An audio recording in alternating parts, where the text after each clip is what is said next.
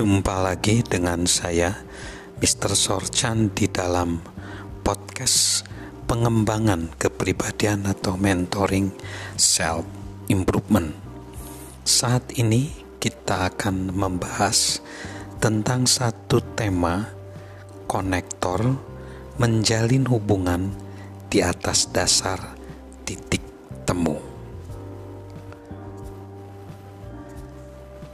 Jika John C. Maxwell diminta untuk menentukan aturan pertama dalam komunikasi, praktek yang melebihi hal-hal lain yang membuka pintu hubungan dengan orang lain itu adalah mencari titik temu.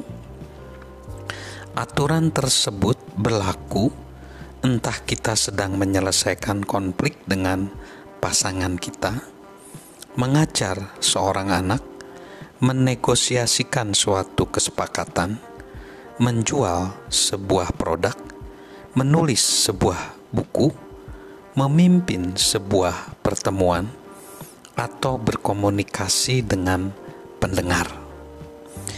John telah menjelaskan kepada kita bagaimana di tahun awal karir dia sebagai pemimpin dan pembicara, fokusnya terlalu banyak pada diri sendiri.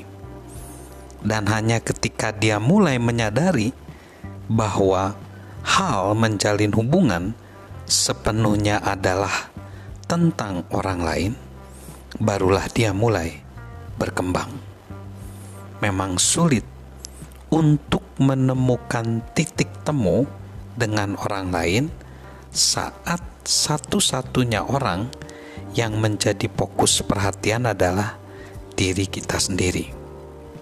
John berpikir kita mulai memahami orang lain lebih baik saat kita memahami diri sendiri.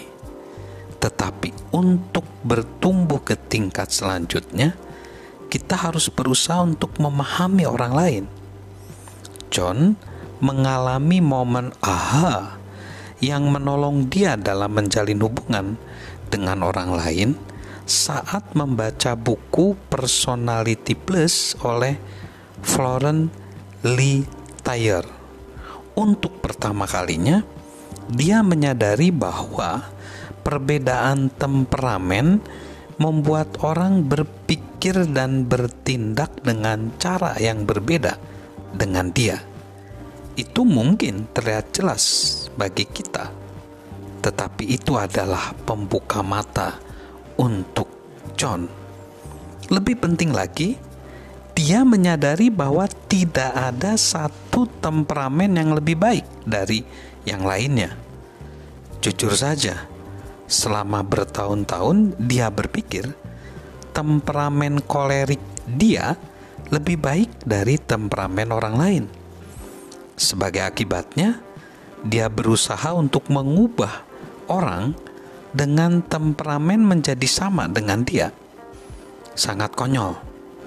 Dia seperti seorang wanita yang kecewa dengan hasil bedah dari mata suaminya. Dia berkata kepada temannya, "Saya mengeluarkan lebih dari 4000 US dollar untuk bedah laser mata suami saya." Dan ia masih tidak dapat melihat segala sesuatu dari sudut pandang saya. John terus berusaha untuk mempelajari bagaimana orang lain berpikir dan melihat dunia. Baru-baru ini dia membaca sebuah buku berjudul Am I Making Myself Clear oleh Terry Felber.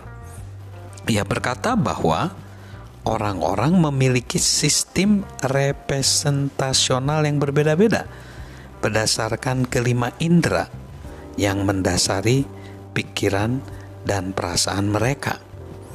Misalnya, jika beberapa orang berjalan bersama-sama di pantai, ingatan mereka mengenai pengalaman akan sangat berbeda berdasarkan pada sistem representasi presentasional mereka. Seorang mungkin mengingat rasa terik matahari di kulitnya dan pasir di kakinya. Yang lain mungkin mengingat gambaran air dan warna cahaya matahari yang cerah.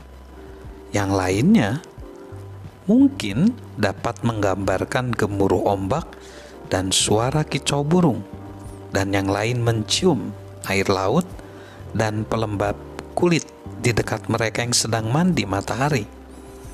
Masing-masing kita menciptakan sebuah kerangka untuk memproses informasi. Felber berkata, "Jika Anda dapat belajar untuk menunjukkan bagaimana orang-orang di sekeliling Anda mengalami dunia ini, dan benar-benar berusaha untuk mengalami dunia seperti mereka mengalaminya, Anda akan kagum betapa efektifnya komunikasi Anda. Sahabat Mr. Sorchan, itu adalah cara lain untuk menemukan titik temu. Salam sukses luar biasa, salam sehat selalu dari saya, Mr. Sorchan.